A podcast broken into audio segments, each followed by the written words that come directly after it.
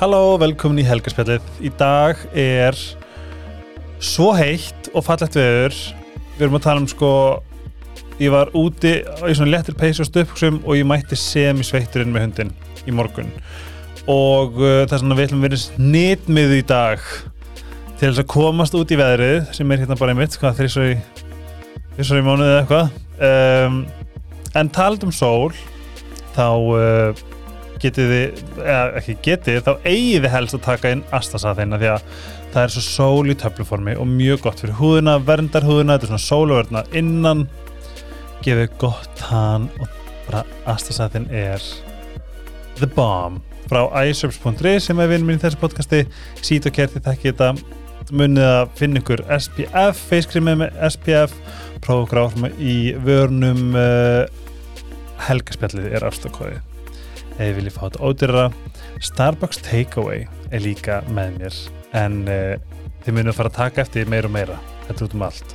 Og eftir að ég byrja að vinna með þeim fyrir hvað ég er búin að drekka mikið af ískaffi. Næsta hérna sem ég ætla að gera er að finna mér svona botla svona get sexy takeaway botla til þess að lúka eins og a real amazing Starbucks type. En neitt, bónus og svo slípi ef þau eru í huga nýrum, nýja dýnur. Þá er svarið Sleepy. Til minni komin ég fyrir að hægja Valgerður Arnóndóttir var að þingmaður pírata og formar samtaka grænkjara og líka bara ógislega góð vinkonu mín við kynntist í hundunum. Hæ! Þetta er að besta við að vera með podcast og geta eitthvað neginn bara eitthvað svona verið vinir en samt tala um eitthvað sem er ógeðslega mikilvægt og læra. Ég er búin að býja eftir þessu stund mjög lengi vel Já, ég líka. Við erum náttúrulega búin að gera þetta í svolítið tíma. Út Já. af ymsum málum. Mismunandi. Oh. og vonandi náum við bara að halda fókus. Við erum náttúrulega bæði bara fyrir múti eitthvað kannski. Hvað hundarnir okkar eru sætir frábærir eða eitthvað.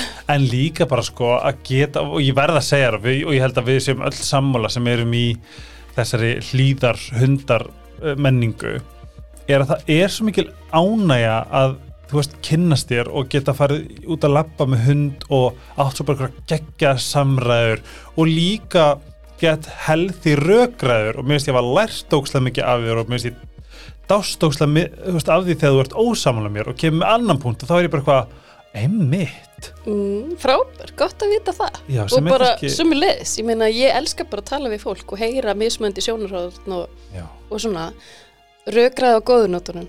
Ég, þó oh að God. maður sé í pólitíkinu og langar mann ekkit að vera að rífast alltaf sko. Það er ekki þess vegna sem maður er að þessu.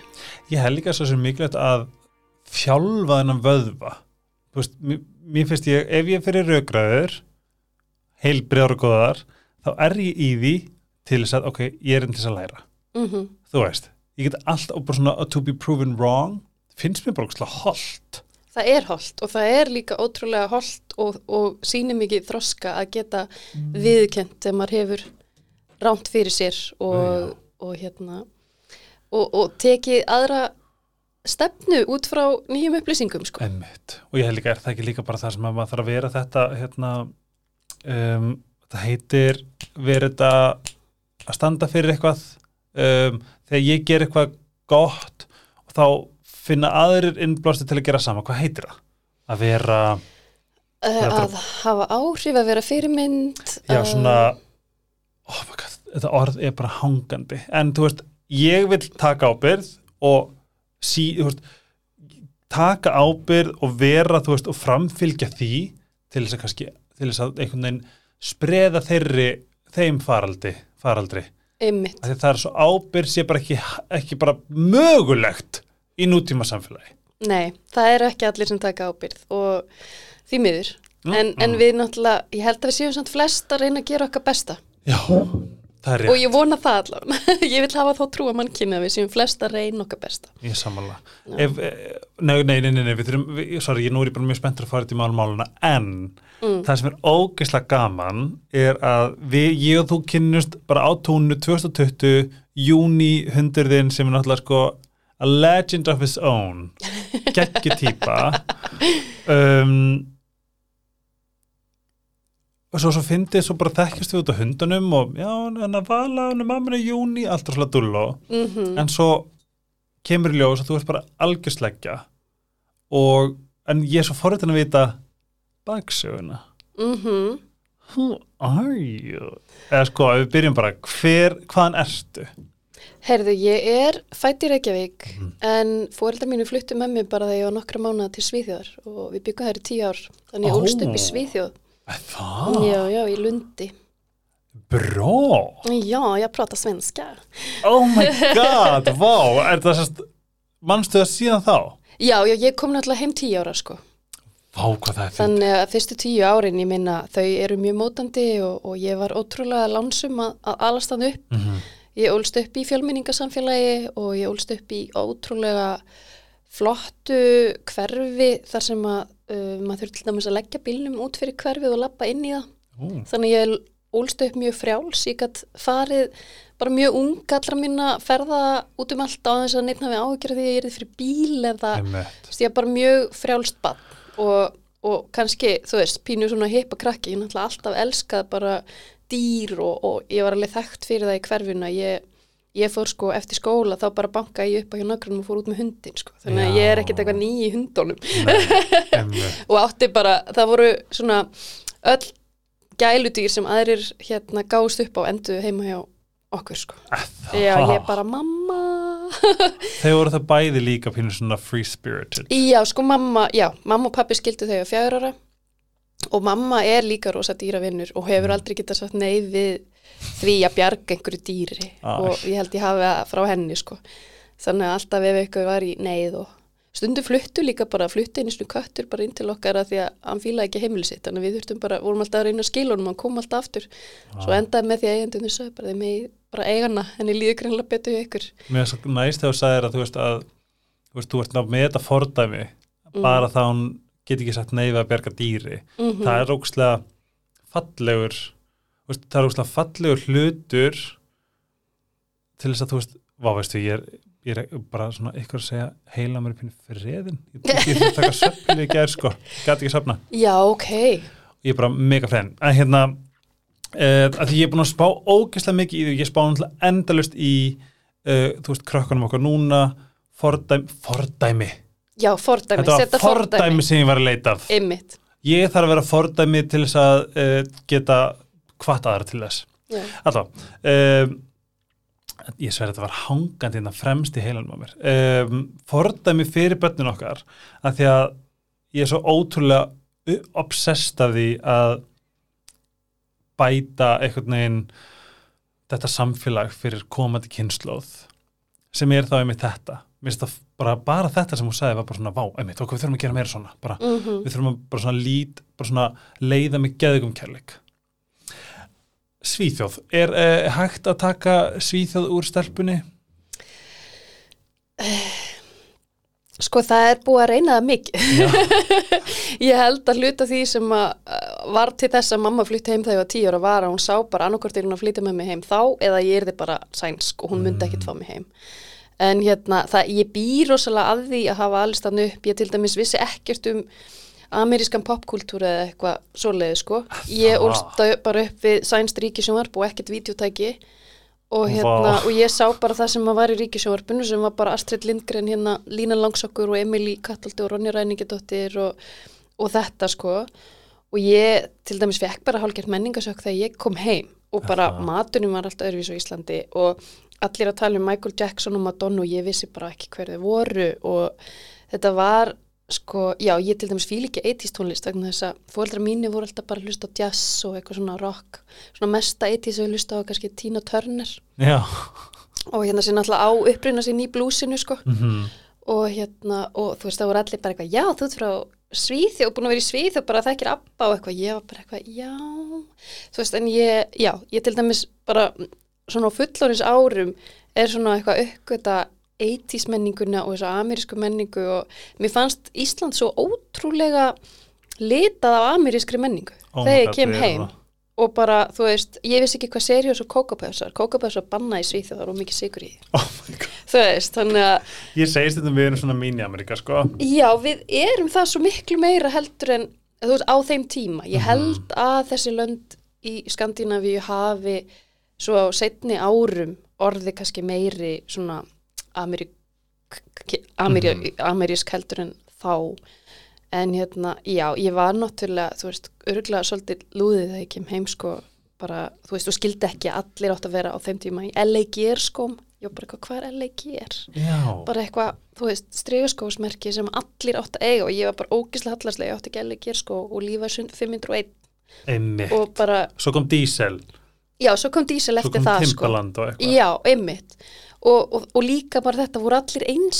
Mhm. Þú veist, ég er náttúrulega kem úr fjölmenningasamfélagi og allir vinni mínir voru einhvern veginn annarkvort tvítingd eða þrítingd og, Hvað og það? Þrí, tví, þrítingd, eða þú veist, tvítingdur er þegar annar fóreldri er kannski frá öðru landi og Vá, þú, gott þú veist, orð. já, en Tvítínd. tvítingd, já, að tala tvö tungumál jafnvel, Ah. eins og ég náttúrulega gerði út í ég talaði sænsku og íslensku jafnvel.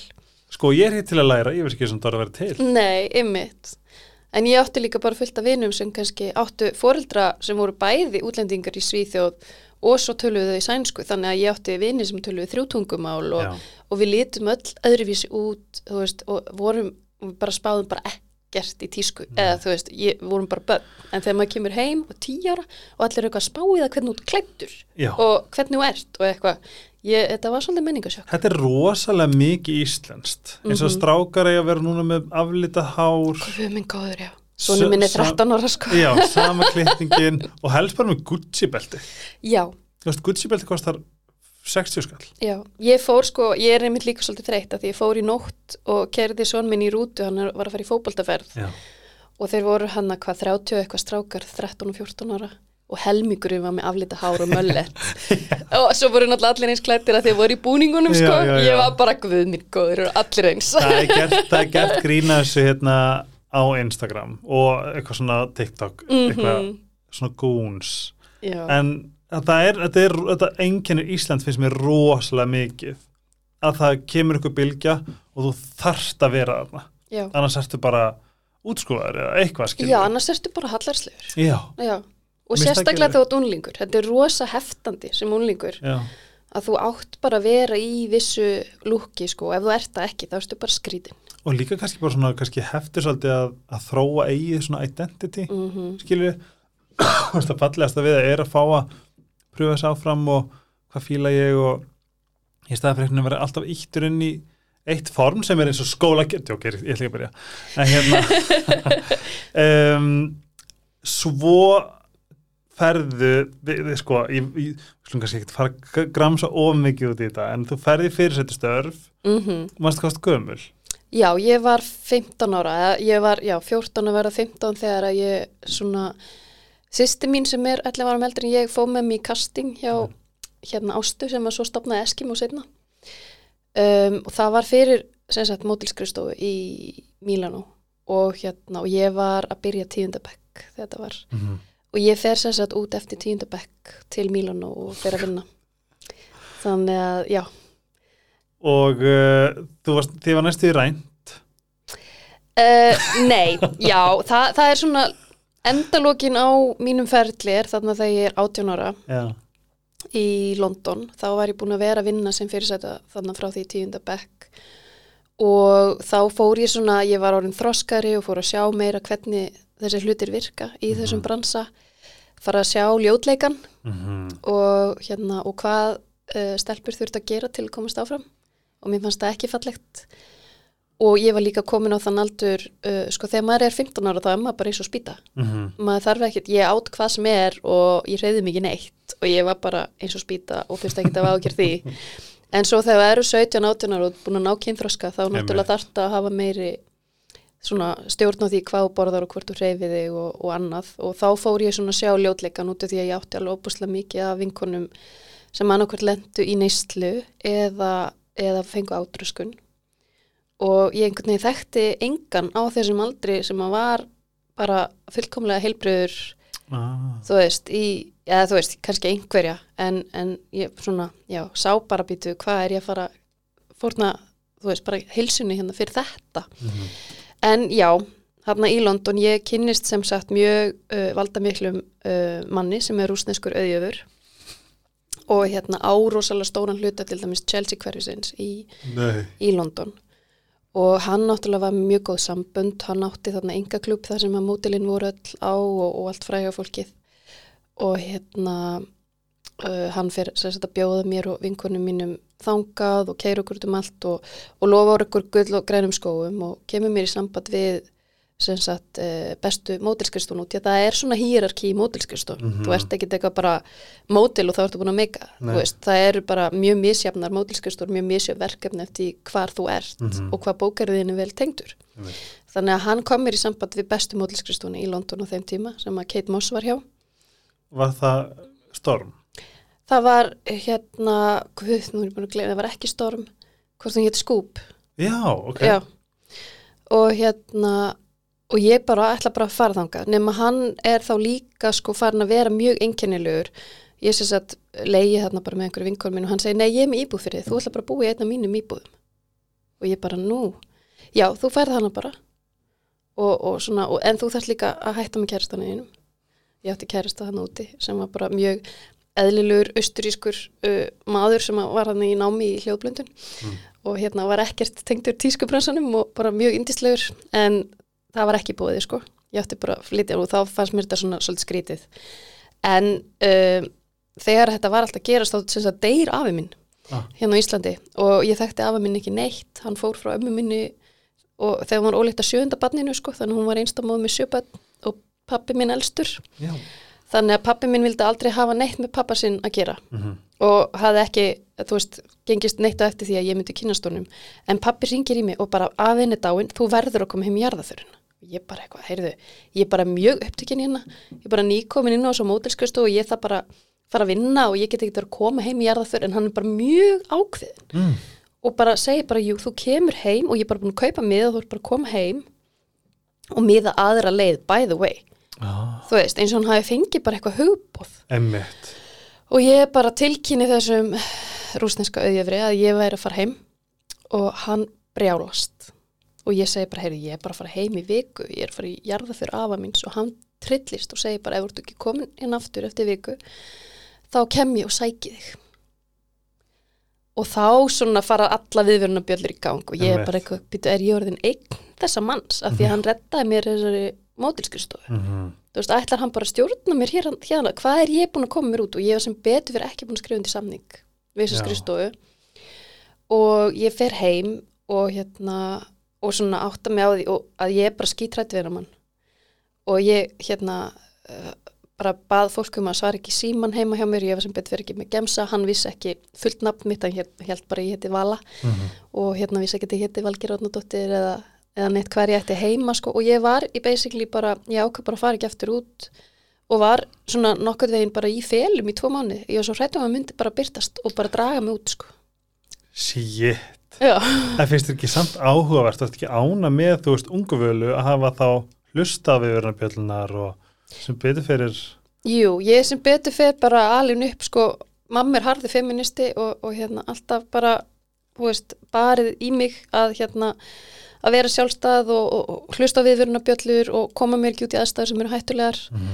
Og, og sko líka pappi einhvern veginn, þú veist, ég gerði mér ekki grein fyrir því fyrir mér var sagt að setna Mhm. að hann fór sko niður á Eskimo hann bjó á laugavegi reyndar og Eskimo var á laugavegi en hann fór á einhverjum einsta föstu degi og spurði hvað er frétta mér til þess að vita hvort að þau væru raunverulega að fylgjast með mér. Ah, þú veist, ég var náttúrulega svo ung. Einmitt. hann bara mætti kaffi og bara, já, hvað er að frétta? Völu, hvað er hún að gera hvernig er vikan búin að ganga hjá henni Já. bara yfirheyra þau hvort að þau væri ekki örglega að fylgjast með mér og ég hef ekki hugmynd um það fyrir en eftir og þau sögðu mér á eftir og bara pappin mætti okkur einsta fyrst degi Æ, hvað það fallegt. já, Þetta svo fyndi í dag, að ég byrjaði hjá Elite 2012 bara sem starfsmæður bara vá hvað er búið að breytast maður síðan. Núna er Mhm. þannig að þau með ekki gera, þau með ekki, já, þau með ekki vinna fyrir þau eru átján, ef ég mann rétt. Hreikana 16. Að, þú, veist, þú, þú bara, þú veist, það er bara, þú mátt, þú mátt fara í einhverjar myndatökur og æfa þig og skoða eitthvað svona, byggja upp einhverju möppu og svo átján, þá máttu fara að taka, já, það er náttúrulega allt annað heldur en Já. mín upplifun, ég var eiginlega bara outdated á með 18 ára sko. Já, bara, þú veist, ég, ég meina þegar ég mætti út þá voru 36 13 ára stelpur úti, skilu, ég, ég fannst ég nóg ung, 15 ára, Einmitt. en ég meina ég var bara að keppast við einhverja 13 ára stelpur, það var bara allt, Er þetta ekki in the 90s? jú, þetta er 95 sem ég fer út, Vá, klikka já, Og það var hvað- algjör, algjörlega klikkaði tími. Já, en er samt ekki svona fyrst ekki lúmst gaman að hafa bara svona horfi ekki öll tilbaka og svona okkar flippaði tími er bara Jú, ég lærði náttúrulega ótrúlega mikið af þessu og, og ég er bara rosalega heppin að ekki farið verð út við. einmitt, Ég er bara heppin að hafa haft góðan grunn og góða fjölskyldu sem að svona held í tauman á mér sko og, og hafa komið tilbaka örgulega, þú veist, það er örgulega bara, já, uh, mitt mesta lán að hafa bara hætti sig hann átjónara, einmitt. bara aftur heim. Ef þú segir mér svona í grófum dráttum hvernig er þú, þú veist, hvað gerist, hvernig verður vala sem að, þú veist, þú ert núna Mm þú veist, þaðan þú kemur heim hvað svona, hvert er ferðalagið þá að þú ert bara, já, svona, svona sirka núna, en það er verðt að nefna að þegar við kynnumst, þá varstu alltaf í sjöverkefnum, áttavinnum fjórum hérna, þú veist það ég, ég hafði aldrei hitt meira busy manneski, ever. Nei, og svo er alheimurinn bara eitthvað æ, við þurfum að róa hana. Mm getur þú sagt okkur aðeins frá? Já, áður sko, við förum í grjótharðarskoðan Duttumáli þá kem ég þannig heim 18 ára, ég fer bara aftur í mentaskóla, uh, ég eignast bann tvítug. já, emmi Ég er mjög ung mamma, en þegar ég var ólétt á honum þá var ég sérst í ljósmyndanámi og ætlaði að fara til London aftur uh, og læra ljósmyndun. Uh, það voru nokkur ár liðin og ég ekki er lengur hættu en að mann. En örlögin voru önnur, ég eignaði bann og ég emdaði með því að fara til Danmörkur í nám, Já. lærði innkaupastjórn og hönnunatækni Þar. og í, það hétt þá tekosenter í Henning på Jylland mm, og hérna, en núna heiti það Via University Denmark ok, og þetta er, ústu, þetta, þetta fór eitthvað mörgsaði við hérna verkfræðiskóla við hliðin á. Ég held meiri sem sko nei, hann er í Víborg en það er mítjahauðskólan já, emmi, það er Já, ekki já, nei, það er ekki að sama. Nei. en ég fór þarna út og lærði þetta og kom svo aftur heim en fekk auðvitað ekki strax starfi þetta þannig ég var bara að vinna í verslun í fjögur ár og, og svo þannig rétt fyrir hrun þá fór ég að vinna sem engöpa fulltrúi hjá Útilíf og svo hjá Debenhams.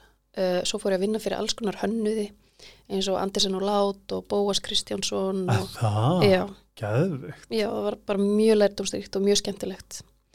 Og það var svo skemmtileg tími. Já, það var ótrúlega skemmtileg tími á Íslandi. Já. Ég var náttúrulega líka að skrifa fyrir pjatróðunar. já, Þannig að ég er líka smá pjatróða, sko. Og hérna, þannig að þetta var mjög skemmtileg tími. Maður var bara í einhverjum partíum, hérna tískupartíum út um allt, já, alltaf og, og þetta er með svona fyrstu skiptin sem ég hitti þig. Við bara þekktumst ekkert þá, einmitt en svona, við vorum í sömum partíum á þeim tíma. og örgulega kaffpartum Á kaffibarnum, já, já, já, já. Og já, þannig að hvað ger ég svo? Já, ég var svo bara að vinna hjá 66 gráð norður og tók við þar sem yngöpastjóri fljótlega. Uh, og það var svona þá sem að ég var farin að vera meira í aktivismanum. Ég myndi náttúrulega kalla mig bara aktivista í dag. mm -hmm. Það að ég fyrir út í stjórnmál er bara vegna þess að ég brenn fyrir svo mörgum málefnum sem að mér finnst ég ekki hafa uh, kannski nóg mikil verkfæri til að vinna í á þess að vera í stjórnmálum líka. Einmitt. Og þarna var ég orðin sagt vegan, ég var hægt að borða alla dýraverður, ég varð græmyndi sæta bara mjög ung. En þarna ákvað ég að taka allt út og fór að starfa með samtökum grænkjara og var líka að vinna sem yngöpastjóri 66 grá norður. Uh, og hérna og svo bara hætti það að vera ég var sko búin að me- endurmennta mig svolítið mikið í sjálfbærni og að, að hérna fyrirtæki væru í ábyrgum innköpum hvað var að textil og annað, væru ekki í óumhverjusvænum efnum og svona. Og ég fekk sem betur fyrir alveg að, að spreita mig á því hjá 66 en það voru ymsir náttúrulega vankantar uh, þegar maður hérna er á móti loðdýraeldi. Mm -hmm.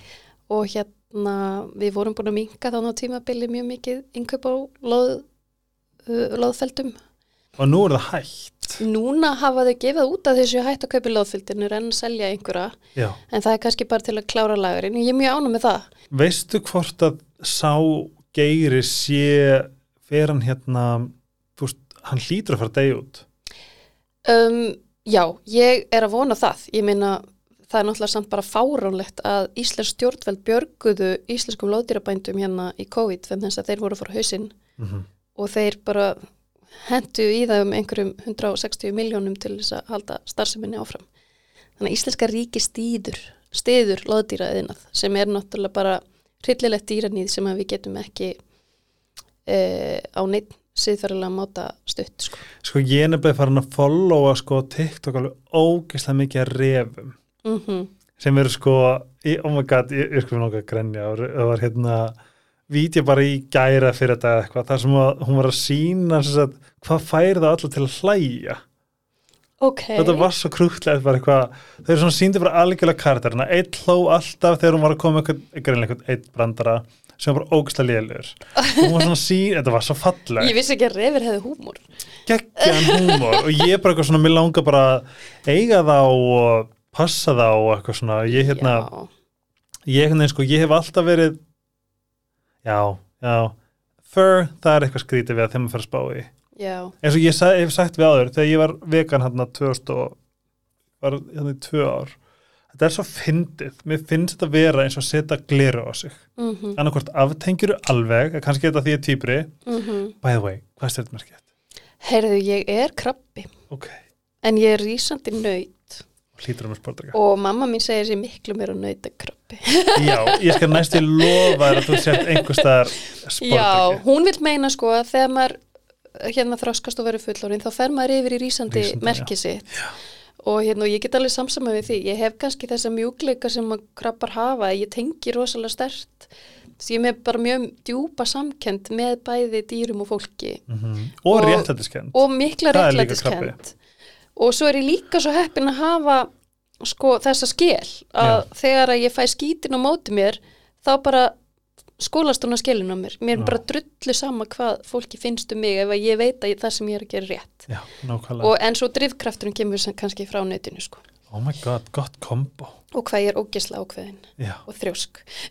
Nei, nei, nei, sko, það, er- til dæmis, þú veist ef við tökum bara dæmi hérna hvað var ég að tala um áður en að fórum í stjórnmerki? uh, vorum að tala um refina og dýrin Já. og þú hefði verið vegan í tvö ár Já, það finnst mér bara að vera ókslega áhugavert, af því ég veit að annarkvort er ég þar í engum dýraafröðum eða ég eitthvað nefnir bara aftengi, já, já, gjögulegri ekkert mál, Mm. þú veist sami bara það, það ó, sorry, ég veit ég, já, það, það bara hræðilega sem ég gætt borða var vangir, mm eða tilhugsun um vangi -hmm. og ég man að horfa kjötborða, ég bara svona og ég er alveg enda það, er bara svona við vitum ekkert hvort það sé manneskja eða, þetta er bara, bara æskilu, ímyndar að vera eitt bara með mannakjöti, já. Það myndi allt fara í, í klessu, En þetta er það sem markaðurinn er búin að gera við okkur, er að aftengja okkur algjörlega Já. við dýrin. mm Við búum ekki lengur í sveit, flest okkar búum í þjættbíli, -hmm. vitum ekki hvaða maturinn kemur og hvað hann upplifir áður en hann lendir í kjötborðinu.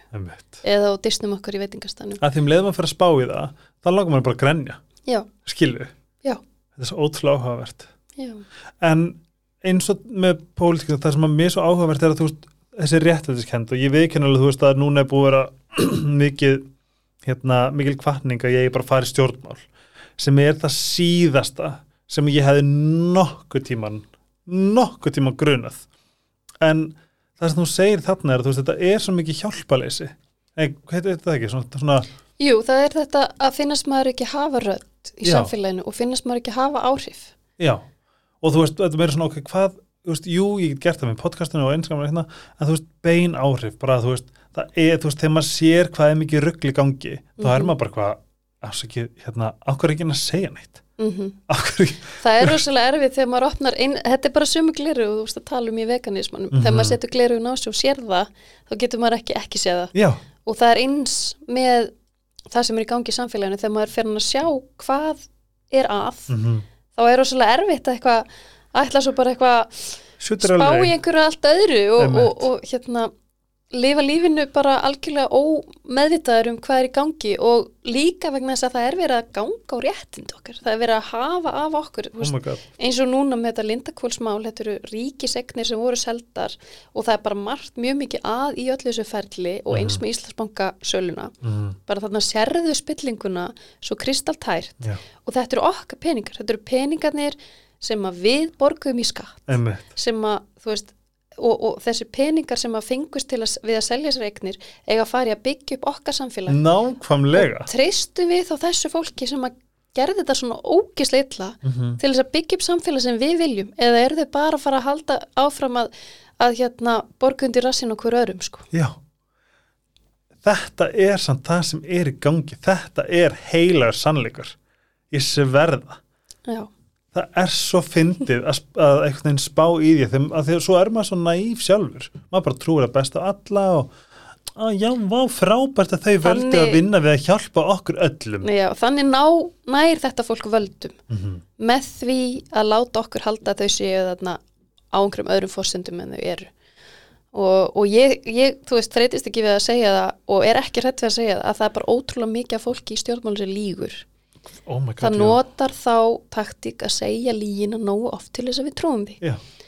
og, og, og það er eitthvað þegar, ástæð fyrir að ég er í pýrutum er vegna þess að við bendum bara á það og segja bara nei, nú ert þú bara að ljúa, þetta er bara ekki rétt. Oh God, og hérna eru staðrindirnar mm vegna þess að við tökum ekki þátt í því að halda upp einhverjum legum í samfélaginu. Já, og, og þú veist, og viljum auðvitað líka að sé gagsæg öll, ef það væri gagsæg ef að þessi lindakvölskísla hefði verið opinbyrð 2018 þegar ríkisöndiskoðandi bað um það Mhm. þá væri við ekki á þeim stað sem við erum núna. Einmitt. ef að Íslandsbankasalan hefði verið upp á borðum þá hefði aldrei það gerst sem að gerðist að það var bara verið að ringi vin og vandamenn og selja en banka. Einmitt.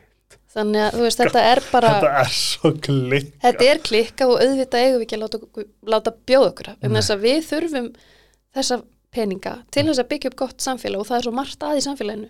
Jésús minn þú veist, ég ymmit var að deila bara í gær þá var svona ný launakönnun Mhm. yfir laun Íslendinga og, og, hérna, og það fer ofbúsli í tögunar á mér að hérna, til dæmis viðskiptablaði var með greinum þetta og fyrirsagnin var meðal tekjur Íslandi eru 700 og eitthvað þúsund. Svo ef þú lest greinina þá er talað um miðgildi og það er miðgildi sem að, sem að gefur miklu raunsætni mynd af því hver eru raunveruleg laun og þau eru bara 500 og eitthvað þúsund. Mhm. og, og sko yfir 40% Íslandingar með minn en 500.000 á mánuði. Mhm. og þetta er hinn sanna mynd af því hvernig samfélagið er. Og það að, að koma alltaf með eitthvað meðaltal það er náttúrulega bara einhver á ofur launum sem alltaf að draga upp meðaltalið. Einmitt. Þannig að við ætlum, eigum aldrei að setja í fyrirsagnir hérna, þetta eru meðal laun á Íslandi. En þess að það gefur ekki sanna mynd að því hvernig laun eru hjá venjulegu fólki. Líka einmitt að því að það er venlegt fólk og svo er nefnilega fólki sem er á gigantísku launum. Mm það er svona ímynda hvað það dregur dregur þetta hátt upp. Já, þetta er styrla maður á alltaf að horfa á miðgildið og skoða býtu hvað er það? Og ef það er 500 og eitthvað þúsund Mhm. í verðbólkunni sem við erum í núna Mhm. með stýrivextina sem við erum í núna Mhm. það sér hver helvita maður þetta gengur ekki upp. Við getum ekki lifa á þessum launum í nútíma samfélagi og ímynda hvað 500 skall var fucking mikill peningur einu sinni. já, bara fyrir tíu árum þá voru Já. það mjög góð laun. Ég var að 300 og eitthvað mann ég hjá Sóun og ég bara hvað, vá, bara hvað ég gera við þetta þú veist. Já, já, ég meina þegar ég flytta heimann uh, fyrst þá var ég að borga 30.000 í, í leigu, Nákvæmlega. þú veist, þetta er bara tíu sinnum meira í dag. Æ, ég er að borga 300 já, og ég er ekki á tíu sinnum hærri launum heldur en ég var. Það er bara Nákvæmlega. já, en segðu mig frá, hvað, hvernig leiðistu inn í, þú veist, pírata? Af því núna, ég viðkynnulega, ég hef ekkert kynnt mér pírata neitt rosalega mikið. mhm, um, ég er náttúrulega bara mjög upptekinn ég sé enga framtíð á Íslandi. Sérstaklega varandi ef að þú veist réttlætiskendin eftir að hafa búið í Danmörku séð hvaða vextir eru á til dæmis húsnæðislánum bílalánum, námslánum og það er ekki svona lánað, jú kannski SU lán, skilur já, þú færð borgað fyrir að í skóla í Danmörku. borga fyrir skóla og svo ef þú tekur SU lán mm, þá er þetta veist, 1% eða eitthvað, já, skilur, ég hef ekki kent mér og þú færð sko grunn styrkin bara Já. ókipis, skilur, Já. frá ríkinu. Þú ert bara að taka svona auka sem er lán sko ef einhver að, 100 áskall eitthvað. Já, ef að þú hefur engin, enga möguleika að vinna neitt með námi að, að þá ert taka eitthvað smápenning Einmitt. Sem er alltaf, nei þetta er og bara sömulegis heilbærskerfi það er þessir grundþættir sem að skipta mig ógæslega miklu máli og ég sé ekki fram á framtíð á Íslandi en við fáum sagt, efruna undir krónuna. En ef þú, segir mér svona frá svona, hvað eru pýrnir, þetta er alltaf frekar nýtt á nálinni en hver eru svona grunngildi og hvað heitlaði, hvað var það við pýrta sem heitlaði þig? já, píratar eru reyndar orðin tíu ára Það? já, við erum alltaf eitthvað nýju flokkurinn en við erum samt orðin tíu ára. Ok, það ekki svo nætt Ótrúlegt, new kids in town, not so new anymore. Hérna, það var sko, Ég korter. fylgdist með uh, borgararreifingunni og reifingunni sem voru svona öflin sem kom á undan pýrutum og mér fannst þau ótrúlega spennandi. Mhm. Ég sá að þau voru svona að stuðla að breytingum í Hvað samfélaginu öflur það? Þa, Það voru bara hérna uh, flokkar sem kom á undan pýrutum Þetta er sem sagt sama uh, svolítið hugs, eða svona svipuð hugsjón Mhm. að bara pírata standi basically bara fyrir það að uppræta spillingu. Að hafa allt upp á borðum að hafa gagsæi þannig að það sé ekki hægt að hérna fara illa með almanna fíi og taka ákvarðanir uh, hérna undir borðið til dæmis með mannaráðningar í, í ríkistofnunum og annað.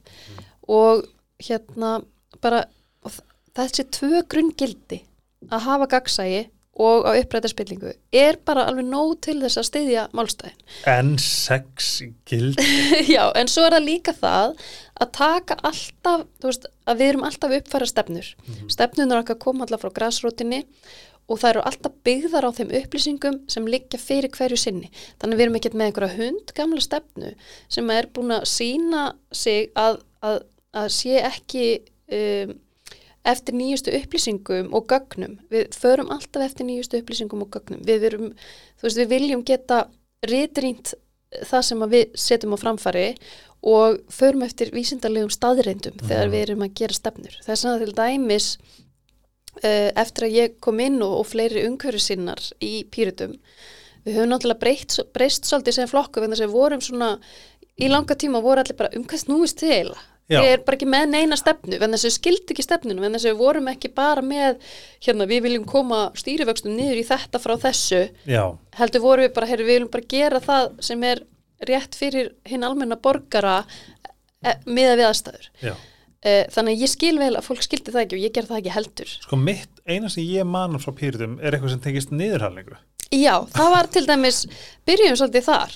skiluru, að hérna, já, það er svona kemur nafni píratar, sko, piratism, það var að, Já. þú veist, að, að hérna, allar upplýsingar á netinu væru öllum, uh, hérna, uh, og opnar og svoleis og bara, og það er líka svo mikilvægt í sam, upplýstu samfélagi að þú hafir aðgang að upplýsingum. mm -hmm. Það er bara mjög, mjög mörg samfélög í heiminum í dag þar sem að þú kemst ekki inn á internetið, þú ert með eitthvað svona lokað net fyrir þitt land og bara þær upplýsingar sem eru þar getur þú að fengja aðgangað eins og í og Rúslandi, eins og í Kína.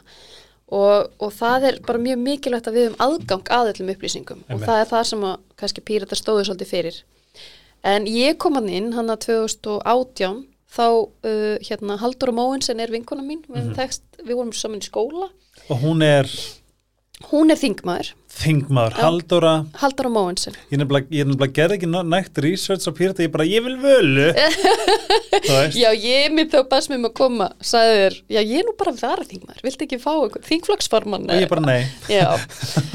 en já, hún er vinkona mín og það voru þarna píratar að fara að bjóða sér fram uh, í borgarstjórn. Og hún spurði mig hvort að ég vildi ekki taka þátt vegna þess að ég var þá svona farin að skipta mig meira af stjórnmálum og, og hún sá bara að ég væri svona mikil pírat í mér. Þannig að ég byrjaði bara þá og var varaborgarfulltrúi þess að 2018 til 2022 þannig ég komst svona svolítið inn í málin í borginni þá og svo fór ég í uh, þingkostningar 2021 og hérna og er varaþingmaður í dag.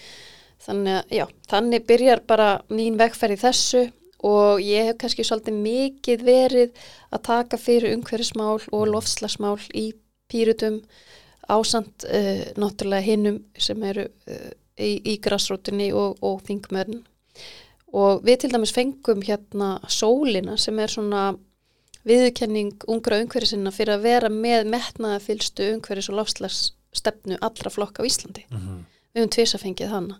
Þannig að við bara förum í research þegar við erum að gera stefnir. Við förum bara allarleið inn og bara skoðum allar rannsóknir og skoðum bara hvað þarf að gera til þess að við getum haldið áfram að lifa í lífvænlegu samfélagi og, og ég til dæmis fyrsta uh, til að stefnan sem að ég laði fram og var samþykkt af pýrutum, það var bara strax 2018 þá laði ég fram að við þyrftum að kalla yfir neyðar ástandi í lofslagsmálum Mhm.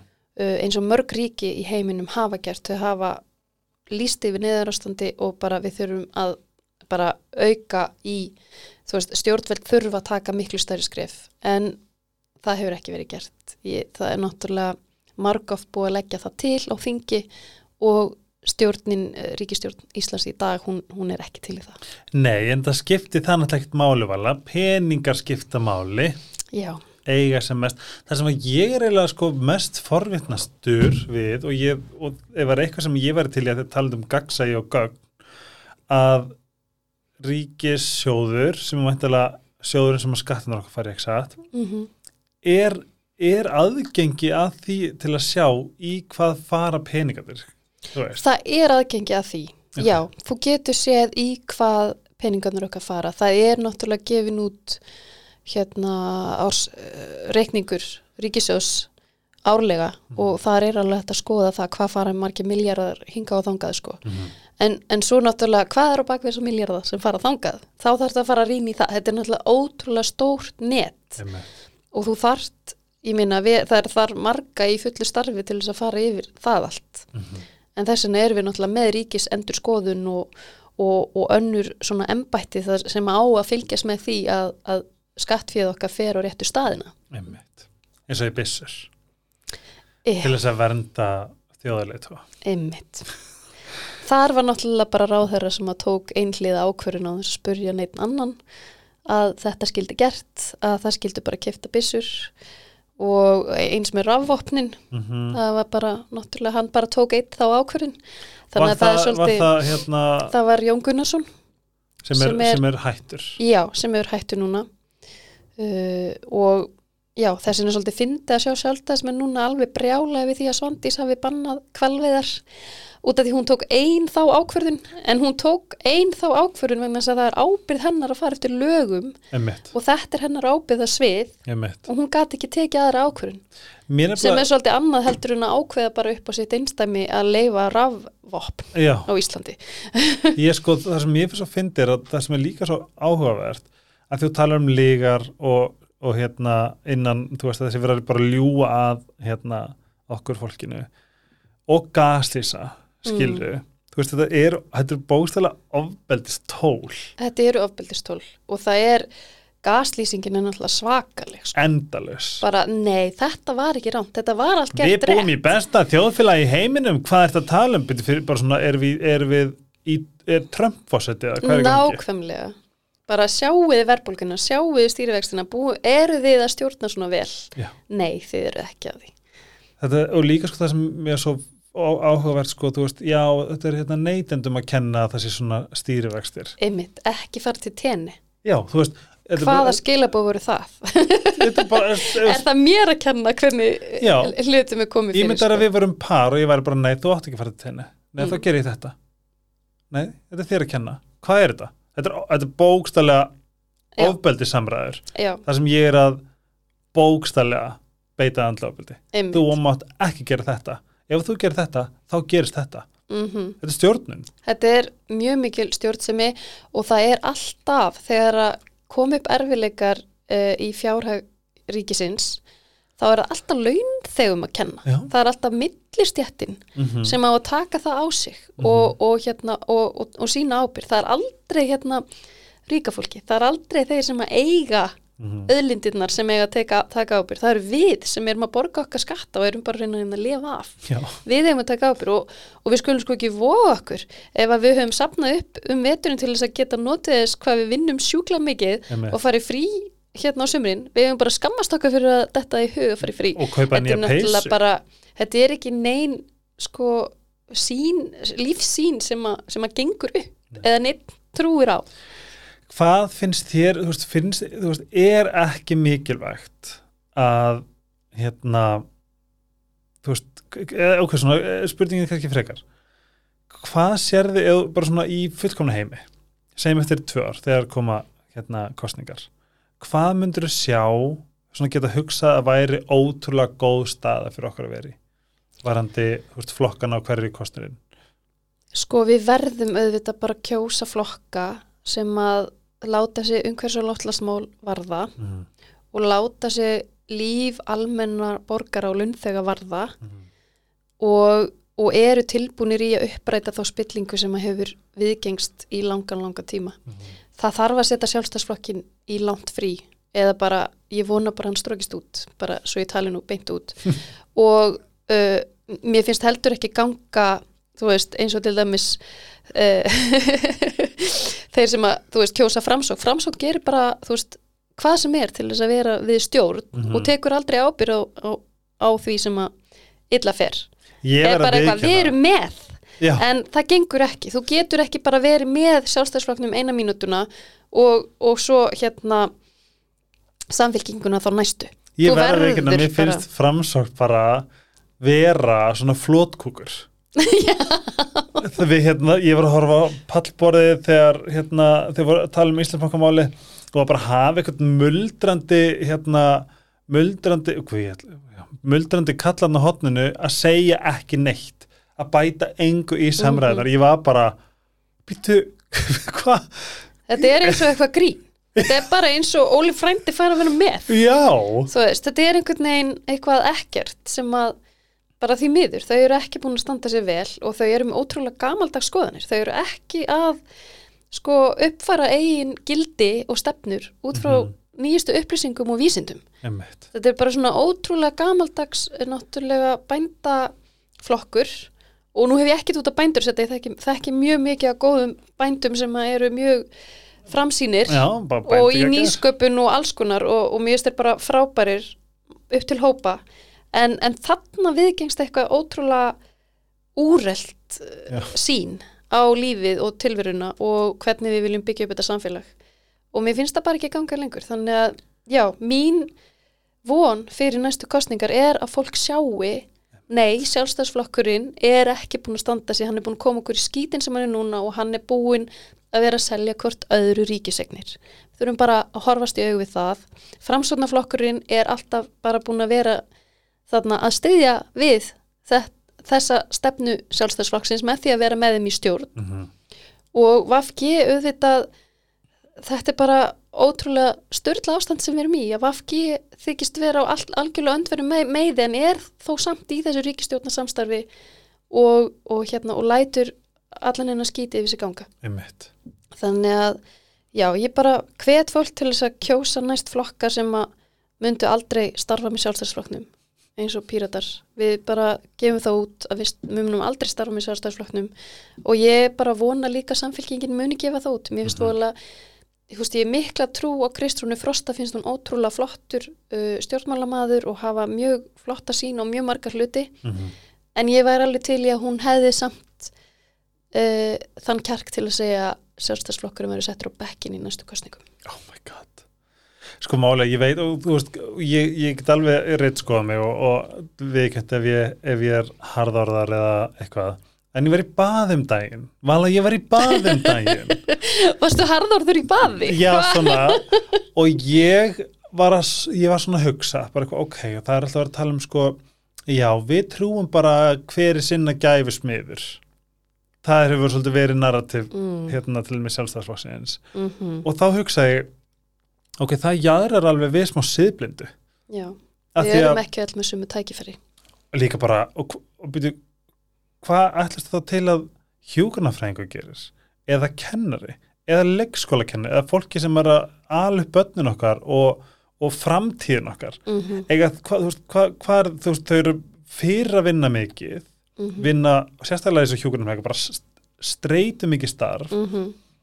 Eiga að fara að selja eitthvað á götinu á kantinum á, um helgar til þess að vera eigin gæfusmiður eða bara fara að fjárfesta í öllum böngum sem að, sem að hvað, fer ekki skattapenningar okkar í það líka að, að, hérna, Einmitt. að borga einhverjum hlutum og Ástæðan fyrir því að, að, hjúkrunafræðingur að þetta haldir sem kvennastarf er vegna þess að uh, þú, þarft í rauninu að eiga ríkan kall til þess að geta starfa sem hjúkrunafræðingur. um, Þetta er bara eitthvað, þú veist, hérna, uh, hjálparstarf í rauninni. Þa, þú ert ekki að fá borgað eftir því hvað þú ert að uh, gefa til samfélagsins og hvað þú ert mikilvægur í samfélaginu. Og það er bara löngu orðið tímabært að við förum að koma fram með þessar stjættir Mhm. eins og kennara og hjúkrunafræðinga og fleiri af virðingu og borguðum þú veist, góð laun. Mhm. þannig að þetta er það mikilvægt, þú ert miklu mikilvægari sem grunnskóla kennari heldur en starfsmæri banka, eigum við ekki verið búin að sjá það? Jú, engin kennari fær einhverja 50 miljónir í starfslokasamning fyrir að hafa drullað á sig í starfi ná fyrir að hafa brotið lög og eiga jafnvel yfir höfði sér að vera lögsóttur. Mhm. þú færð ekki hérna þú veist, 12 mánuði borgaða með 5 miljónir á mánuði. Þetta er bara, Þetta er fucking störl já, þetta er bara þarna sést bara hvað við búum við ójafnan leik í þessu samfélagi. Og það á ekki að þurfa að vera bara eitthvað hugssjónastarf að vera kennari, að vera hjugrunafræðingur en þess að þú átt aldrei að þurfa að gefa þína vinnu. Nei, bara vegna þess að þú ert svo góð manneskja. Mér finnst það bara að vera mér, það, þú veist þess vegna finnst mér þú veist þess og þetta er stort orð og ég er ekki að segja allir sjálfstæðismenn séu siflindir, alls ekki. En þessi hugssjón já, þú veist, mér er bara samum hinna, já. þau þurfa bara að retta sér þetta með að enga framtæki skilur svo miklu, skiptir miklu málu og við séum öll með sömu tækifæri við erum ekki öll með sömu tækifæri og ef að þú heldur það þá ert þú fættur með önnur tækifæri heldur við hinn sem erum fættur inn í verkamanna fjölskyldur eða, Mhm. eða hérna, eins og pappi minn sem var alveg upp af einstæðri móður og, og var í sjösískinu hópi hann Mhm. þurfti bara að hætta í skóla 14 ára og fara á sjóin Einmitt. til þess að þú veist, hjálpa fjölskyldinni þú veist, þetta er ekki, við erum ekki með jöfn tækifæri og þetta er líka svo svona, þú veist, bara perspektífið ok, ef þú vilt að, allir séu þú síni gæfismiðir, þá, þá verða engir hjúkurnafræðingar, því að þá fara þau bara í einhvern fjárfestingarleik og að fara Já. hérna fara að möndla með peninga og eh, reyn og reyn og reyn eignast hærri fjárhæðir, þú fær það ekkert í, í starfi Nei. sem er, og sérstaklega ekki ríkistarfi ég meina, ég þekki alveg slatt af hjúgrunafræðingum og fl- fl- fæstar að vinna sem hjúgrunafræðingar í dag. Mm þú veist, það er, ein er flugfreyja hún fær betur borga sem flugfreyja heldur en sem hjúgrunafræðingur og önnur vinnu bara hjá fyrirtæki með að selja hérna vítamín og fæðibútarefni og hún fær betur borga fyrir það heldur en að vera hjúgrunafræðingur Þetta er svo fyndið eins og með dómsmálráðara það, það er ótrúlega magnað. Ég er með eitt svona hérna, svona pólitíkusar séni um, sem hefur svona verið að skýra fyrir mér og svona fylgist ógeðslega vel með. Og ég, þetta, podcast er ekki það sem ég hjóla í mannin en ef það eru einhver ef þetta er rétt það sem hún sagði mér sem hún örskýrði fyrir mér og hvað er búið í gangi þar mm það er eitthvað sem að ég hefði aldrei grunað að væri á Íslandi. Og það finnst mér líka svolítið ótrúlegt að sem er í gangi hvar, segir sem, sagt, um, sem var í gangi fyrrum dóms, er ekki rétt um að það er, koma nýju dómsmálar Jú, jú, jú, fyrir um dómsmálaráður hvað Já. hann var að gera, já, Já. nákvæmlega Nei, og ég man í lasa þetta og ég sagði ok, þarna hlýtur að vera núna hlýtur að vera farin aðast á brautinni. Mm og ég sagði það. Mm. og þetta er bara, ekki, bara alls ekki, bara enga veginn Mm. þetta er bara veist, þú, það er bara að fletta upp alls konar og ég eitthvað svona wow, býtu hvað hérna hvernig auðvitað við Norðurkórea Já. skilu, hvað er í gangi Sumt fólk á náttúrulega aldrei að fá völd Ne, oh og það er God. bara stórt ábyrða mál að sjálfstæðsflokkun hafi látið þennan mann í ráðherra stöðu vitandi Mhm. hvernig hann var vegna þess að sumt fólk á bara aldrei að fá völd og hann er einn af þeim og þetta gildi líka í þú veist, einmitt þessi líka það, ó þess að fyndi þetta orð stjórnvöld fyrst með vera, þetta gefur mig græna bólur mm stjórnvöld. Já, þegar maður spáir í það þá, þetta bara, ég minn okkar að útrýma því. Já, og hérna, þá ert algjör pírati. Ég er náttúrulega algjör Við pírati. viljum náttúrulega að almenningur bara komi að öllum stórum ákverðunum og hérna veistu hvað væri segja.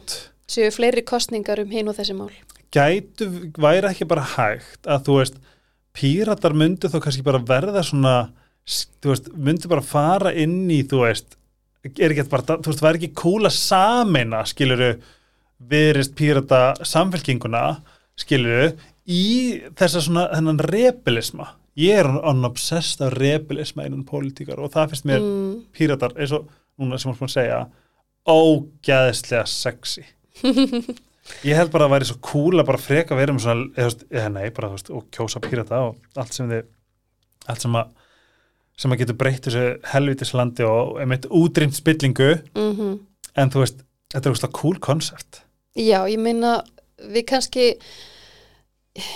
myndum kannski ekki saminast í eitt flokk vegna þess að við, það er náttúrulega margt á okkar stefnu sem eru ekki alveg eins. Já, það er alveg rétt. En það má, þú veist, það er samt alveg augljóst að píratar samfélkingin viðreisn og jafnvel sko flokku fólksins, við eigum mjög margt sameigilegt. að það, Já, og ég held að Það mjög fólksins margt. sem svo miðflokkur nei, Ó. hann er ekki svo miðflokkurinn. Ó. Flokku fólksins er náttúrulega stopnaður uh, af hérna, fólki sem mikið til eru öryrkjar og sem vilja berjast fyrir já, er betri Það er Inga Sæland sem er formaður flokksfólksins. Og ég til Sorry, dæmis, þau eru með mjög flottar stefnur hvað varðar eh, dýravelferð. Mhm. Ég til dæmis er á frumvarpi hjá þeim hvað varðar blóðmyrahald, ég vil banna blóðmyrahald, það er ógeslur yðnaður, já, það sem er verið að fara mjög illa með hesta. Og, og hérna, já, þannig að þau eru nú ekki eins og miðflokkurinn, alls ekki, við skulum svona, ekki... nei, svona fljótu bræði Hérna, þá nei, að vera þau- þar um leiði þau eru að vinna fyrir hérna uh, bara að bæta lífskeiði þeirra sem að hérna, hafa það verst í samfélaginu og Ah. þau með alveg eiga það, þau gera það af heilum hug. en hvað, hún hérna Sanna hún er hjá, Sanna Magdalena er í borgarstjórn uh, sem sagt fyrir sósjalista.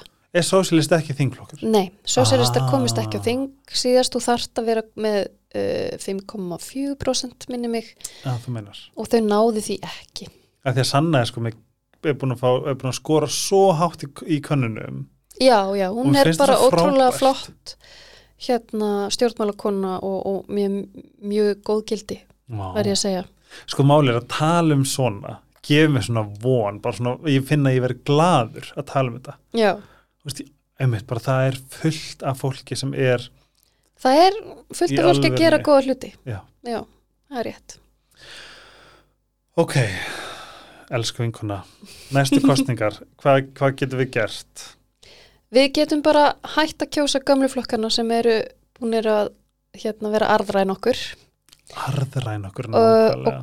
og kynna sér, þú veist, ég veit að það nenn ekkit allir að kynna sér rosalega vel hvað allir standa fyrir Mhm. en það er mikilvægt að það kemur á kostningum. Þetta er á fjár ára fresti, þú veist, farið inn og kynnið ykkur hvað er í gangi, hvað er, hver stendur fyrir hvað Mhm. og líka kannski smá að taka bakgrunnstekk vegna þess að sumir eru bara með ótrúlega flott kostningalofur Já. en hafa sínt að þau standi ekki við neitt ekki nei, í fortíðinni. Veist- Þannig að ekki trúa fólki sem hefur logið áður, Já. það er ekki að fara að gera eitthvað betra næst. en það sem mér finnst líka vera áhugavert er að hlusta á, ef að þú ferir í viðtal og það sem þú byrtir þú veist, ég veit, þú veist, ég, ég tristi þér á þínum hugsunum það sem þegar þú skrifar eitthvað eins og það með launin Mm. ég er bara svona nákvæmlega mm. það er alltaf að tala um ég vil bara geta konsi einstaklinga já ok, ekkert mál, en þú veist, ef þú ert að skoða vísi eða ert að fylgja hérna, þú veist, þingmönnum sem þú tristir þú veist, lestu hvað þau hafa að segja Já, ég er sammála því. Ég er rosa hrifin af bara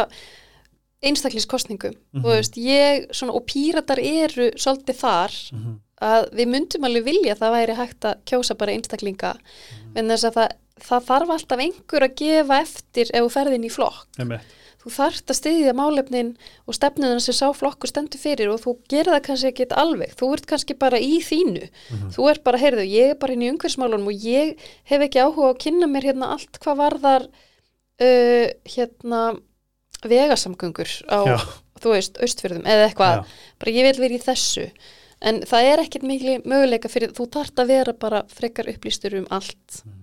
Og inn í öllu og, og hérna, og eins sem betur fer þá er þá kannski svolítið breyður um, hópur í hverjum flokki sem að hefur sína hérna mismunandi hérna áherslur. einmitt. Þannig að, jú, jú, auðvitað, þú veist, flokkar eru góðir að því leiti að þá erum við allavega saman í hóp og erum að styðja hvort annað. Þannig að það er líka rosalega erfitt að vera einn einmitt. eins og þegar að Rósa Björk og Andris Ingi fóru úr vinstri grænum þegar að stjórnarsamstarfi við stjórn, hérna, sjálfstæðflokkin hófst og því að þau stuttu það ekki en þau voru samt kosininn og þing Já. þá voru þau bara ein. Þau voru bara þingmenn sem voru alein. Og það Innan er náttúrulega þú veist, þú þarft eiginlega svolítið að hafa hennar stuðning af öðrum og þessu saman í einhverju til að koma einhverju málefnum á framfæri. En að, já, það snýstu það. En svo er það líka slæmt oft eins og að því að ég er nú líka hérna uh, í þessum kvalveiði mótmælum og hef verið það síðan 2018 uh, og það sem að mér finnst svo leiðilegt hvað var það kvalveiði umræðinu núna er að, að þegar þetta kom upp að Svandís bannaði þetta, þá að gera könnun meðal þingfólks og það voru alveg nokkrir úr sjálfstæðsflokknum sem að sagði ég stið ekki kvalveðar, get ekki stutt kvalveðar og dýranýð, Mhm. en svo heldur þau bara funda því að þau voru öll brjálu því að hún hefði tekið þessu ákvörðun og þau ákvað bara í sammenningu og allir flokkurinn væri með kvalveðum og þau vildi að hún myndi taka þessu ákvörðun tilbaka og að Kristján Loftsson myndi fá murka líðið úr 150 kvölum í sumar vegna þess að það er hans atvinnufrelsi, við þurfum að gæta atvinnufrelsi fólks. Það er líka ótrúlega styrla konsept þegar að atvinnufrelsi þitt snýst um þjáningu annara Einmitt. þegar önnur vera þjáist fyrir þitt atvinnufrelsi. Mhm. það sýnir bara svona þú veist, hvar eru gildiðin? Er þið bara alveg sama hversu mikið þetta spendir þjáist og í hvað marga klukkutíma Mhm. þú ætla bara, þú átt bara þennan bát og þú átt bara þessa sprengiskull og ætla bara að fá að sprengja kval í friði en þess að þú hefur það atvinnufrelsi þetta er náttúrulega bara þannig eru þessir fáu uh, sjálfstæðismenn sem að þorða að segja nei, ég stend ekki með þessu búinur að henda þessum gildum sínum Flót kúka. já, og bara, jújú, jú, allir þingflokkurinn er saman í því að við viljum að Svandi Svaðarstóttir taki þessa ákvörðin tilbaka og þetta var bara alls ekki gert að lögum sem að, er náttúrulega bara kjaftaði, hún fór algjörlega að lögum og, og hérna, En er, svo þá fyrir ég að spá, þú veist, hversu mikil, þú veist,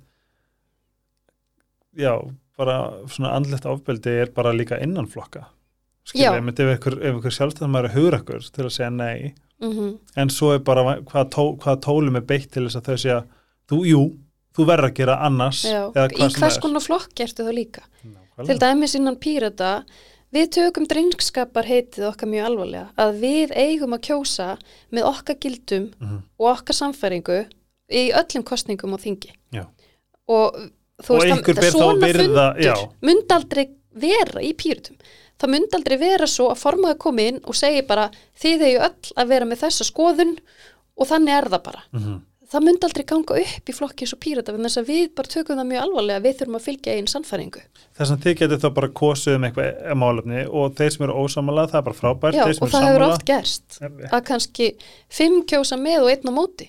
Einmitt. og það er, flokkurinn er ekkert að fara að tvístrast út af því. Eh, útskrufa þannig aðeila. nei, eða útskófa þann aðila. Það er bara, við þurfum að fylgja það er bara drengskaparheip sem við gerum þegar við förum á þing, að fylgja einn sannfæringu og gildum og þá eigum við að gera það. Og það er ekkert í bóði að vera í flokki það sem er alltaf bara ákveð, nú ætlum við öll að vera á þessari skoðun, en þannig Annars. er það í sjálfstæðsflokknum, þannig er það í framsæknumflokknum þess vegna er þeir í ríkistjórn þannig að þess að þeir ná alltaf uh, meiri hluta fyrir atkvæðgreislun sem þeir setja fram. Þannig þess að þeir eru búinur að tryggja að allir í sínum flokki munu kjósa uh, sangkvæðformanni óskformans Mhm. þannig að Hvað myndir þú segja ef við tölum bara svona um svona persónuleg þróun hjá þér sjálfri? Þú veist, þú ert grjóthörð. Hvað, svona, hvað myndir þú segja að þú veist, áttu akkileshæl og hvað var það sem að svona, sem mótaði í að vera bara ótrúlega hrein og beina samkvæm sjálfið þér? um, allir eiga örgla sinn akkilesar hæði, á ég upplýsa hann Já, ég, ég er svolítið forvitin, svona, hvað, where is it? nákvæmlega, ég sko uh, ég var fyrir einhelti þegar ég var bann Ah, og ég mætti mótlæti og ég var algjör mús.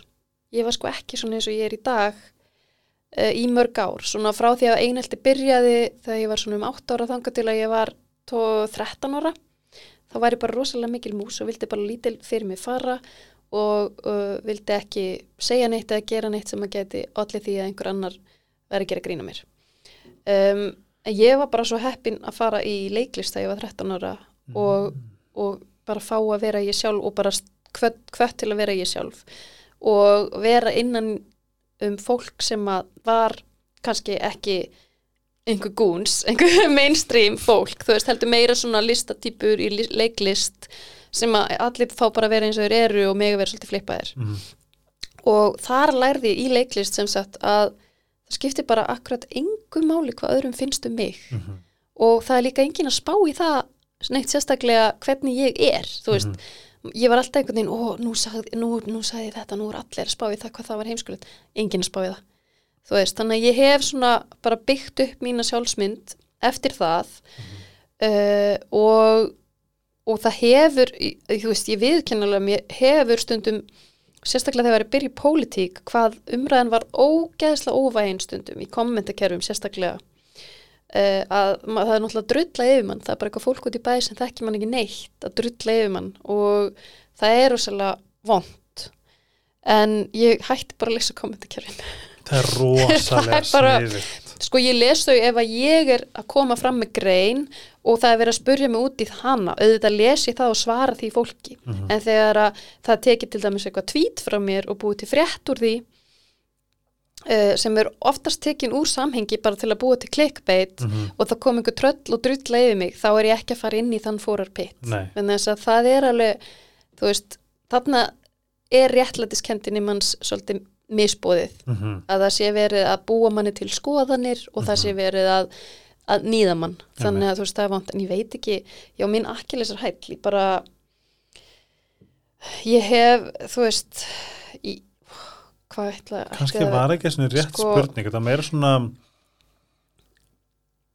Já, þetta var kannski alltaf rétt spurning, var meira svona ég er svo áhuga samar um, þú veist, hvað mótaði þig og þú veist, hvað hvernig drífur mig áfram Já, og kannski hvan, hvernig nærða standa svona gæðvitt bein í baðfætur og meira svona hvað, þú veist, í hvað aðstæðum þarftu svolítið að heivala, up and go. já um, Hvað bugar þig, basically? það buga mig sko, ég bugaðist náttúrulega fyrir tveim árið þegar ég lendi í slísi og ég Mhm. misti heilsuna um, það er mín stærsta leksja held ég í lífinu að missa heilsuna Mm.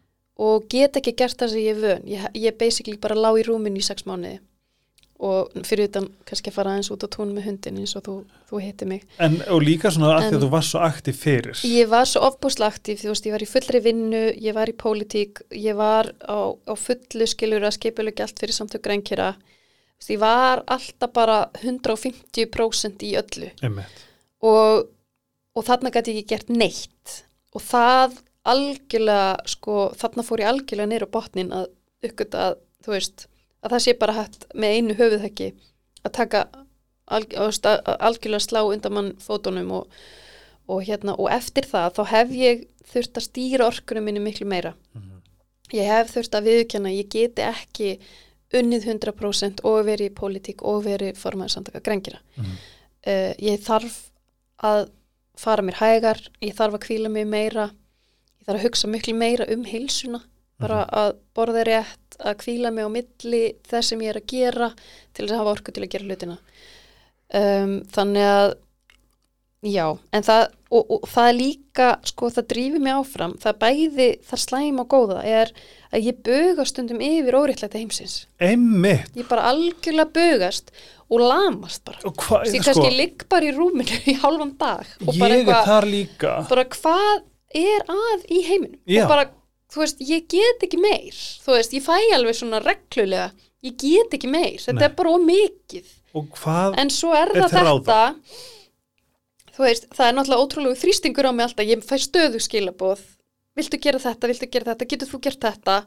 Og þú veist, og það er líka svona sem íti mér áfram, bara já, bara vala nú ætla þú ekki bara að liggja hér og gera ekki neitt. Þú ætlar að gera eitthvað, taktu eina ákvörun, ákvörðu eitthvað eitt eins og núna í sumar, ég ætlaði bara að vera í sumafríi, ég er skilur enn í endurhæfingu, ég var, í, ég var að byrja í námi í vor og er í fullu námi. Og það tók rosalega á mig þessi próf og törn og svona vegna þess að ég er með eftirkvæst heila hristings og á bara miklu erfiðar með að sitja fyrir framann tölvuskjá og læra og heldur en annað fólk. Mhm. vegna höfuverkja og, og heilaþóku en ég á að vera kvíla í sumar og ég reyna það að, besta megni. En ég er líka náttúrulega skipulegja þessi kvalamótmæli og standi því öllu bara samfélagsmiðla herferðir og, og halda viðburði og halda umræðinu gangandi og ég ákvað bara svolítið, í sumar tekið það ég tek kvalveðarnar fyrir Mhm. þú veist, út, ég get ekki gert allt ég get ekki líka verið hérna að rífast út af lindakvólskíslun einhvers staðar, Einmitt. sem betur fyrir annað fólk í því, Mhm. þú veist, bara eins og, eins og Þórildur Sunna er bara ótrúlega góð því hún er bara að taka það, þú veist, maður verður bara átt að sjá því. Já, hún er frábær og eftir að fá hana í, í viðtal. Hún er alltaf þingflokk, þingflokksformaður hérna Pírata. Getur hún sagt okkur frá þessu hérna Já, já, á mannamáli. Á mannamáli? Já, nákvæmlega. Við eigum ekki öll að þurfa að vera með masterskráði í hérna hagfræði og lögfræði til þess að skilja þetta. Nei og við, veistu hvað ég átt að mig líka á þegar ég var búin að horfa allir þessi viðtöl Mm, þau eru markvist að nota orð og setningar til þess að ringla okkur ég veit það. það, er Það líka fokkin hella Segja einhver orð og einhverja setningar sem við skiljum ekki alveg, já, en út af því að þau segja það með svo mikill samfæringu þá trúum við því. 100% Já, og það er bara eitthvað freda baka og það er bara eitthvað frett. og ég þurfti að segja við Pétur, Pétur, hvað þýð þetta? Og hann sagði þetta, svona, en það veikar ekkert sens hann bara, nei, veit það eitthvað, okkur hann þá segja þetta, æskilu Nákvæmlega. Vegna þess að hann er að ljúa. já, þarf að Mér finnst bara að við þurfum að gera okkur grein fyrir því að mjög mikið af stjórnmálmál ljúa. Það var ekkit hérna Og launungamálin í gamla, gamla dag að segja bara nú lígur þú, núna er alveg bara, ert að segja ég sé að ljúa, en það er bara þannig. já, punktur, Ekki gaslýsa, ekki ljúa, ekki hérna Beita trú einhverjum bara því að hann segir eitthvað með svo mikil samfæringu og að þú hugsa bara, já, hann lítur að hafa rétt fyrir sig, hann sagði þetta með svo mikil samfæringu. Nei, hann var, þú veist, sumir eru bara ekki þar þar. notar setningar og svona sett setningar saman sem að engin manneskja á Íslandi gerir nema þingmaður í viðtali. Mm come on, Já, er má ekki bara segja come on á þingi, come on. Nei, það má ekki, þú, það væri dingli bjallan þá, það, já, það eru svona, já, það má ekki, seg, það má ekki hérna sletta á ensku, fucking. Já, nei, mátt alls ekki segja fokking, þá bara dingla mjög mikið í bjallina, en hérna, þú mátt ekki sletta heldur, þú er að segja allt á íslensku. Jæja, og, og þú veist, ég er náttúrulega sem svolítið á minn þingi, þú veist, fekk alveg áminningar, ég einhver tíman saði eitthvað á ensku eða, eða saði ekki fullt nafn e, þingmann sem ég var að vísa í ummæli, þú veist, ég, ég, ég man aldrei hvers svona dótti fólk er eða hvað eftirnafnið er, ég man alltaf bara fornöfn, já, já, það er ekki gott ert þingmaður, sko, þú þarft að segja þú veist, eins og Björn Levi Gunnarsson sagði hérna áðan, ekki bara eins og Björn Levi, þá bara, ef ég segi ekki Gunnarsson, þá bara ding ding, heyrðu. Ah, þú verður að segja hver son eða dóttir við það verið eitthvað það. sem að vala vinkonum í staði, hún sagði þetta og ég þetta alveg rétt. Nei. Og náttúrulega segja háttvirtur þingmaður eða hæstvirtur ráðherra, þú verður að segja það. Það finnst mér bara Það vera er alveg það er- erfitt sko ef ert mjög ósamála einhverju ráðherra sérstaklega þurfa að segja hæstvirtur ráðherra Bjarni Benediktsson. Mér finnst það bara að vera svona eitthvað svona meðvirknisfrétt eitthvað, Það er það og þetta er svona bara hierarki sem er svolítið gammaldags eða mjög gamalt Já, en þetta er náttúrulega til þess falli að fólk haldi sig í einhvers konar kurtisi á þingi, út í að þing getur náttúrulega að fara út í ákurtisi og, og hérna persónára sér. Þannig að maður skilur svona svolítið hvað er á bakvið að þurfa að segja hæstvirtur og háttvirtur svona til þess að halda manni svolítið smá á mottunni að maður segi ekki bara þú hann að drulluhali eða þú veist, það er ekki Já, bóðið. Nei, ég, sko, ég myndi að, veist, ég, ég er nefnilega sko, hef séð fyrir mig ef ég myndi fara á, á veist, ég myndi alltaf bara hjóla í málefnið, Maður á að hjóla í málefnið. En þú veist, svo stundum segir einhver uh, eitthvað í þingræðu sem er ekki rétt og þá verður maður alltaf leiðrétta viðkomandi og maður verður að segja eins og þessi sagði, Mhm. það er ekki rétt. Einmitt. Hlutirnir eru svona svona en ekki eins og þessi manninska sagði, maður, þannig að maður verður, Já, já, já. það verður oft mjög persónulegt, en þess að fólki er að takast á. Einmitt. Það sem ég fóröndi með er að þegar þú veist, þegar þú ert búin að vera þetta mikil maskina lengi, Mm. að því þú veist, þetta er það sem að, veist, ég, ég stend á gæðvöku tímótin núna og þess vegna er ég eiginlega bara svona, ég er bara svona, eh, vantar bara innblastur, þegar þú, þegar þú segir henni, ég, það er svo fyndið að því þú sagðir heilaþoka, heilaþoka er eitthvað sem einkennir rosalega mikið bara síðustu þrjú ár, Mm bara svona, eins og, eins og tala, svona að lamast yfir einhverju og bara vera svona allt í innu bara hverfur eitthvað út úr, skilju -hmm.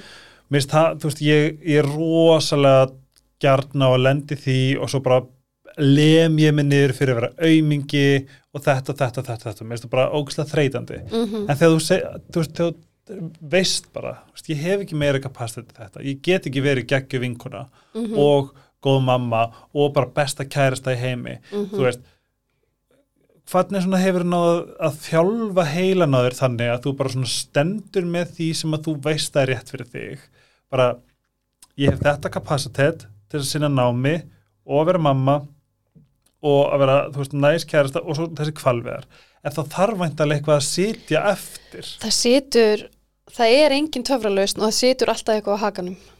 Þú þarft að eiga mjög skilningsríkan maka. Ég á mjög skilningsríkan maka Já. sem að skilur það að hann og heimilislífi situr stundum á hakanum út af því ég er að gera eitthvað annað. Um, ég á badd sem er 50% hjá mér og 50% hjá pappa sínum þannig að ég get varið mínum tíma í hann 100% þegar hann er hjá mér Einmitt. en algjörlega ekki hugsa um hann 50% af tímanum Mm og blessing in disguise Já, blessing in disguise, sko. Það er, þú veist, ég vildi óska að ég væri alltaf með hann, Já. en svona er þetta Mhm. og þá ger ég bara gott úr því. Uh, og eins með námið, uh, ég fann það til dæmis, ég hef verið að stjórna veganúar síðan 2017 Mhm. og ég var að gera það í janúar um leiðu verið að byrja í námi og svo bara sá ég, þegar búin með mánuð og var í einhverjum hlutaprófum í skólanum, hvað ég fekk ömulega reynkunir og þá var ég bara, heyrðu, vala, Stopp. þú getur ekki hérna skipulagt hérna sex viðburði á einu mánuði og staðið vel í stjórnmálafræði upp í háskóla. Já. Þannig að ég svona, þú veist, það er alltaf eitthvað sem að fellu niður. Þannig að svo eftir það þá var ég bara sjúklega tugli í skólanum og ég hækkaði mig alveg tvöfalt. Í, þú veist, og þarf þetta peppa, hvað er svona sjálfstalið Þú veist, þegar, þegar, þegar, heil, þegar vondikallin fyrir ég að þarf taka alltaf að velja og hafna. Ég er bara uh, þannig gerð að mér langar að gera miklu meira en ég er að gera.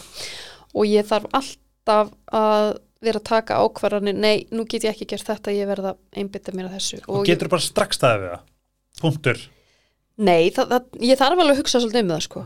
Ég þarf alveg að, það, ég, ég veit bara, ég get ekki haldið öllum boltum á loftinu og ég verða að láta einhver að vera. Mhm. Ég verða að leifa einhverjum að droppa. Og það er bara svolítið happa klappa hvaða bolt að droppa. Það fer bara algjörlega eftir minni samfæringu og, og orku og tíma og þeim tíma. En mér finnst það samt oft mjög erfitt. Já, ég er bara sko búin að vera í svona einhverjum svona, við, svona bara sálfræði tengdu viðtölum og, og þú veist, ég áttaði mig á því ég er svona 50% uh, réttliskend og 50% samanskupið Mm umrætt kombo. Já, bara eins og bara með Noel bara ef hann eitthvað svona þú veist, mér finnst og líka bara ef, ef við setjum bara svolítið í perspektíf hvað við erum að gera í dag. Við erum uh, eins og þú veist, tíðandi, þú veist, mamma hundægjandi, kærasta uh, hérna nefandi grænkjæraðið samtaka þú veist, þú veist, veist, ég þetta eru bara mörg hólf. Ég Og bara- ég líka dóttir og vinkona. Já, það er líka. Ég meina, ég hugsaði um pappa minn í tvö ár og út í ég var engabarni hans og, og, hérna, og hann var mjög veikur í tvö ár. Það svona eiginlega algjörlega gekk fram að mér, sko. Það, veist, þannig að þegar ég lendi í slísun og var í rauninni komin í kulnun líka. En þess að þegar að það bætist eitthvað ón á eins og veikindi foreldris og þú ert að hugsa um það líka, einmitt. þá bara algjörlega, veist, og þessin eru konur miklu gjarnari á að hérna fara í kulnun, mm. en þess að við erum að taka á okkur aðra og þriðju vaktina svo miklu meir en kallar og það er eitthvað sem að þarf að tala um í samfélaginu, það er að sko þó að það líti út fyrir að við séum einhvers konar komin með jafnrétti á svo mörgum sviðum hvert er jafnréttið á heimilinu? Einmitt, hver er að taka ábyrjuna þegar að börnin veikjast, þegar að fóreldrað er að veikjast og, og, hérna, og, allt annað, skilur, það er þessi hugræna byrði sem að konur taka á sig, sem að algjörlega getur bugað okkur endanum. Og ég var bara að viðkenna það þegar að ég lendi í slýsa, ég er ekki ofurkona, Mhm. ég get ekki gengið á mína orku og verið hérna eins og einhver, þú veist uh, maskina maskina alltaf, þú veist það kemur að endapunkti. Einmitt. Og endapunktur hjá mér var bara, þú veist, ég veit ég, kannski voru örlögin sem grip inn í og bara hendi mér á hausin og ég bara þurfti að Það er það sem að ég, ég man þegar við hittist á túnu og ég sagði eitthvað svona svo kom ég heim bara hvað er að þér bara ég skammaðist mér sem ég, ég, ég, það? ég bara svona að- alltaf láta, þú veist bara svona, já þú ætti að skil eða svona, leini skilabúin hafi verið þetta? En, en ég nefnilega trúi bara svo fast á alheimin bara júni þegar hún hefur bara fengið til sinni eitthvað tilkall og bara eitthvað, herri, viltu redda með móðinni? Hún er alveg að fara í svaðið. Já, hún er að fara í kulnum eftir hendinu hausin og svo hún verði hérna e- ennþá eftir tvö ári endurhæfingu. Já, nei, það er svo fyndi en ég, sko, ég, það sem ég veit það sem ég trúi svo stert er að alheimurinn englarnir, whatever, guð bara whatever you wanna call it er alltaf að tala við okkur, alltaf að pota. Og þegar því meira sem við ignorum það mm. þá held ég nefnilega svona að wake up callið, þú veist, að bakningin verði alltaf, verði sko harkalegri því meira sem að þú mm -hmm. þú veist, Mhm. þess vegna er ég alltaf að reyna býtu, hvað er svo bara núna, ég er svo, á svo miklum tímótum og ég er bara, hvað á ég, hvað veist, ég er að hlusta bara, ég veit ekki, bara please, eitthvað svona Það er að reyna- líka ymmit, þú veist, þessi veikindi gáði mig líka ymmit tíma til að hugsa. já, Þú veist, ég þurfti rosalega bara að ákveða hvað ætla ég að eða orkunni í núna á næstunni emmitt þegar að ég kemst aftur á fætur. Og, og þú veist, það er bara mjög mikilvægt fyrir alla sem lifa í mjög hröðu samfélagi að taka sér, taktu þið bara viku, farðu eitthvað þar sem þú ert ekki, þú veist, slögt á internetinu, ekki vera tengtur á samfélagsmiðlum. Taktu þið viku þar sem að þú ert bara í þínu, einhvers þar helst í náttúrunni, það er líka eitt, við verðum að tengjast náttúrunni. Þegar mér finnst ég vera að fara yfir um á álægi, þá verð ég bara að fara út og það þarf ekki að fara langt, ég fer bara upp í öskilíði eða eitthvað, bara aðeins að sita og þú veist, knúsa ykkur trjábóla eða eitthvað, nei ángríns, fara aðeins úr skonnum og lappa berfætt í grasinu eða, eða nýr í fjöru og finna aðeins hérna sjóin á tætnar sko og sandin undir fótunum. Þú veist, þetta er bara, við, þurf, við erum partur af náttúrunni. Og þetta er hlæðslustöðin okkar. Og, og við þurfum að tengja okkur, annars fer allt í fokk og þú veist, e- þetta er bara svo ótrúlega mikilvægt, bæða Já, að- að kvíla þig, Já. að þú veist, hugleiða og að fara út í náttúrun og tengja þig, hjartengja þig. þarna getur réttliskettum líka svona bögga mig, það er að því að þú veist það er búið að búa til system og þjóðfélag Mm. til þess að halda okkur það busy að við föttum ekki Já, að við megum og eigum að passa på okkur já, það er rétt. Þess vegna þurfum við að breyta samfélaginu. oh my god sjáumst á þingi.